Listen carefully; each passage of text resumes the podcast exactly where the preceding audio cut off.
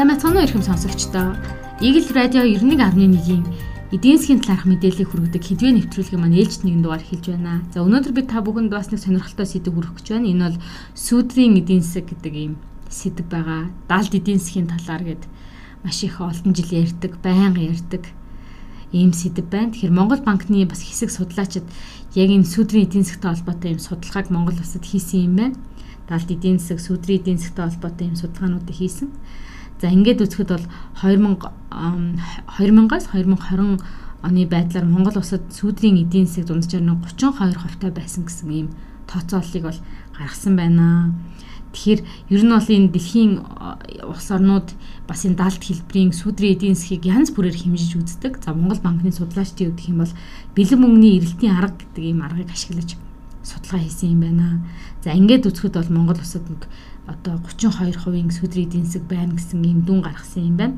Энэ бэлэн мөнгөний эрэлтийн аргыг яаж хэмждэг вэ гэхээр одоо бэлэн мөнгө шаардлагатай албан ёсны төлбөр тооцоо гүйцэтгэхэд шаардлагатай одоо мөнгөн дүнгээс нь хэтэрсэн бэлэн мөнгийг ашиглан энэ нуугдмал буюу сүдрийн эдийн засгийг хэмжиж авч үзэхэд бол ийм дүнтэй гарсан юм байна. За ер нь бол Монголтай адилхан адилхан хүчж байгаа орнуудад бол сүдрийн эдийн засгийнх нь нийт эдийн засгт нь эслэх хувь хэмжээ хоолны 30-аас 40% та байдаг гэт.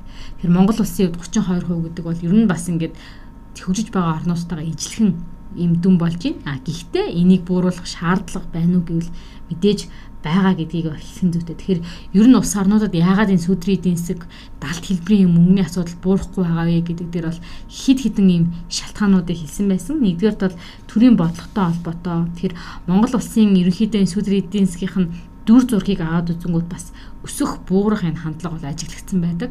За хаана хизээ өсөлт ажиглагдваа гэд үзэх юм бол 2006 оноос 2008 оны хооронд Монгол улсад сүдрийн эдийн засгийн өссөн байдаг. Тэгэхээр энэ өсөлтийн шалтгаан бол Монгол улсад тухайн үед бол та бүхэн санаж байгаа гинтийн ашигын татвар гэдэг зүйлийг оруулж ирсэн. Тэгэхээр 2006 онд одоо засгийн газар улсын хурал алтны салбараас гинтийн ашигын татвар авна гэд алтны салбарын ашиг одоо татварыг бол 68% болгож нэмжээсэн байдаг. Тэгэхээр энэ нэмсэнтэй холбоотойгоор татвар нэмчихсэн учраас алтны салбарын үйл ажиллагаагаа маш далд хэлбэр рүү оруулж эхэлсэн. Алт тушаалт өөрөө далд хэлбэрт шилжсэн гэсэн үг. Тэгэхээр үүнтэй холбоотойгоор Монгол улсад энэ сүүдрийн эдийн засаг тэлсэн гэсэн ийм судалгааг, ийм дүгнэлтийг бол одоо Монгол банкны эдийн засгчид хийсэн байдгаа. За ингээд дээрэс нь болохоор бас эдийн засаг өссөнтэй холбоотойгоор Монгол улсад ялангуяа 2010 он 12 оны үед бол уул уурхайн салбарын өсөлттэй холбоотойгоор Монгол улсад эдийн засаг өссөн. За энэ хоёр шалтгаанаас үүдээд Монгол улсад ерөнхийдөө сүүдрийн эдийн засаг нэлээд өссөн энэ төр зураг бол ажиглагдсан байна. Тэгэхээр энэ төрөөс явуулж байгаа энэ дотрийн бодлого цаашлаад макро эдийн засгийн үзүүлэлтүүд нь Монгол улсад далд хэлбэрийн эдийн засагт хэлэхэд суурь шалтгаан болсон нь бол харагдаж байна. За улмаар 2016 онд бол нэмэгдсэн үртгийн албан татвар гэж бидний яриад байгаа энэ нөөтийн одоо системийг нөөтийн одоо үйл ажиллагааг хуулийг нь бол шинчилсэн. За нүүд бий басан толботоогоор харин 2006 оноос эхлээд Монгол улсад сүдрийн эдийн засаг саарах эндүр зураг бол ажиглагдсан байдаг. Тэгэхээр яа харахгүй энэ далд эдийн засгийг хомхот бол нэмэгдсэн үртгийн албан татвар бүртгэлийн системийг сайжруулах энэ одоо үйл явц бол нүүр дүнгөө үзүүлсэн нь бол харагдаж байна. Тэгэхээр нөөтийн талаар бол маш олон одоо хүмүүсийн байр суурь байдаг боловч яалтчгүй энэ далд эдийн засаг том зургаар наваад үзэх юм бол эрг нөлөө үзүүлсэн байдаг. За гэхдээ хамгийн муу мэдээ нь юу вэ гэхээр COVID-19 цар тахалтай холбоотойгоор энэ энэ чиглэлд явуулсан бодлого нь өөрөө дахиад эргээд нөгөө буурч байсан сүдэр эдийн засгийг өсгсөн гэсэн нэг иймэрхүү суур бас ийм өөрчлөлт уялдаа холбоонууд бол харагдаж байна. Тэр хэд хэдэн шалтгаан бол нөлөөлсөн. Энэ цар тахлын үеэр бол сүдрийн эдийн засагт хэлэхэд эргээд илүү бас ингээд бэлэн мөнгөөр гүйлгээ хийх бас хүсэл сонирхолтой. Нэг талаас одоо бэлэн мөнгө бол цар тахлыг одоо тархалтыг нэмэгдүүлж гэнэ гэжсэн боловч эргээд илүү одоо бэлэн мөнгө хадгалах бэлэн мөнгө чигээр нь хадгалах юм хүсэл сонирхолтой болсон. За мөн яг энэ үед бол бас эдийн засаг руу зах зээл рүү маш хэмжээний бэлэн мөнгө гарсан гэх мэтлэн энэ шалтгаанаас болоод бас яхаарахгүй Монгол улсад алт хэлбэрийн эдийн засагт хэлэх сүр шалтгаан болсон гэсэн ийм бас тайлбарууд явж байна. Тэгэхээр төрийн бодлого ялангуяа татвартай холбоотой бодлого эргээд тухайн улсын эдийн засагт далд хэлбэрийн эдийн засагт тэлэхэд эсвэгэд буурахад ямар нэг хэмжээний нөлөө үзүүлдэг нь бол бас нөөт болоод энэ ашиг одоо гинтийн ашигын албан татвараас харагдаж байна гэж харж болохоор байна.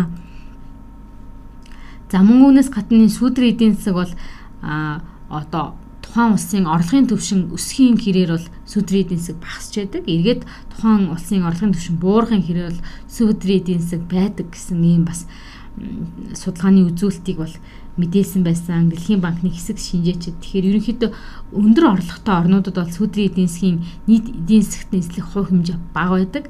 Тухайлх юм бол 19 хувьтай байдгаа. Тэгээд яагаад энэ өндөр орлоготой одоо баян орнууд гэж ярьдаг тийм энэ орнууд бага байдаг гэхээр засаглал сайн байдаг. За мөн дүрм журмын хэрэгжил сайн байдаг.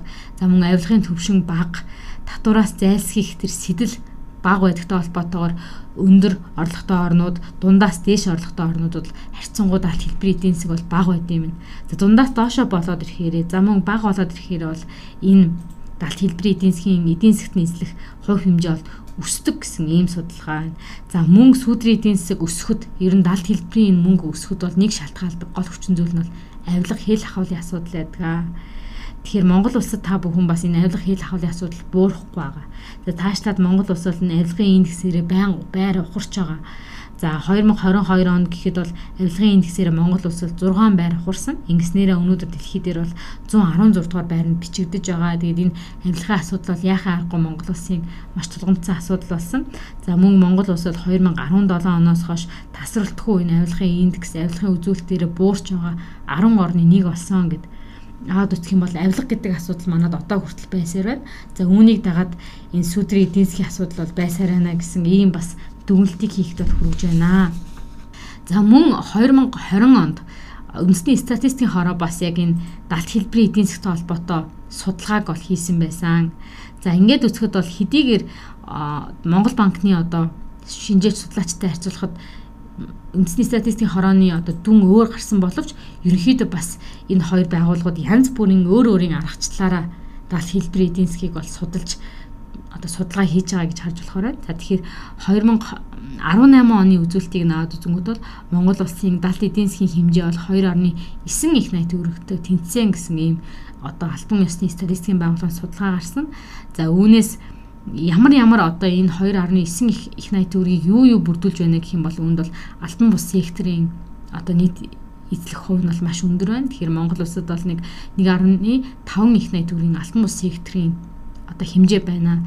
За мөн үүнээс гадна нөгөө бие үнэлэлт далд хэлбэрээр явагддаг тийм ээ хар тамхи мансууруулах бодистой холбоотой энэ төрлийн үйл ажиллагаа нь бол ойролцоогоор нэг 140 орчим тэрбум төгрөгийн ийм үйл ажиллагаа Монгол улсад явагдаж байна гэд өр гарсан байна. За мөн нуугдмал үйлдвэрлэл, бичил урхаатай холбоотой, хууль бус үйлдвэрлэлтэй холбоотой энэ энэ төрлийн үйл ажиллагаанууд нь нөгөө далд хэлбэрийн гэд эдийн засгийг бүрдүүлж байна гэсэн ийм том тайм тооцоог бол гаргасан байна. За тэгэхээр бас Монгол улсад энэ чиглэлийн судалгаанууд бол байдаг болох нь харагдаж байна. За дээрэс нь Монгол улсад сүдрийн эдийн засаг ерөөс хомигдохгүй байгаа гэд.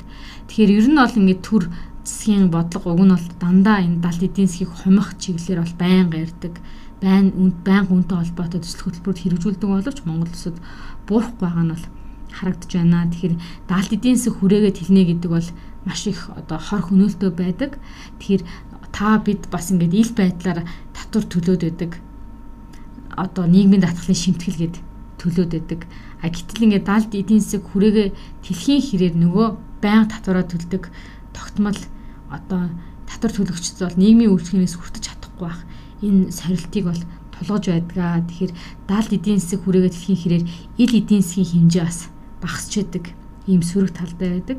За энэ далд эдийн засгийн хамгийн том хохирогч нь бол шудруугаар татвараа төлдөг иргэд байдаг. Энэ иргэд одоо татвар татварсны төлөөх нийгмийн үйлчлэгээ тухайлах юм бол эмнэлэг одоо боловсрал сургууль цэцэрлэг гэх мэтлэн энэ төрлийн үйлчлэгийг бол авч чадахгүй төрдөг. Тэгэхээр нийгмийн үйлчлэгийг сайжруулахын тулд төсвийн орлогыг нэмэгдүүлэхийн тулд гэх мэтлэн маш олон шалтгааны үүднээс энэ төр засаг аль болох энэ далд эдийн засгийг хумих чиглэлд анхаарах ёстой. Тэгээд татвар төлөх бааз цорыг улам нэмэгдүүлэх чиглэлд бол анхаарах ёстой. Энэ бол маш чухал байдаг гэсэн ийм судалгааны үзүүлэлтүүд бол байна. Тэгэхээр сонсогч та бүхэнд бас яг энэ бас тэр болгон ярьдгүү бас тэр олон ил болдгоо энэ далд эдийн засгтай холбоотой Монгол улсад ямар судалгаанууд хийгдсэн, хувь хэмжээ нь ямар байдгийг тийм ээ. Үүнтэй холбоотой бас ийм мэдээллийг таймлан хүргэлээ. Бидэнтэй хамт байснаар баярлалаа.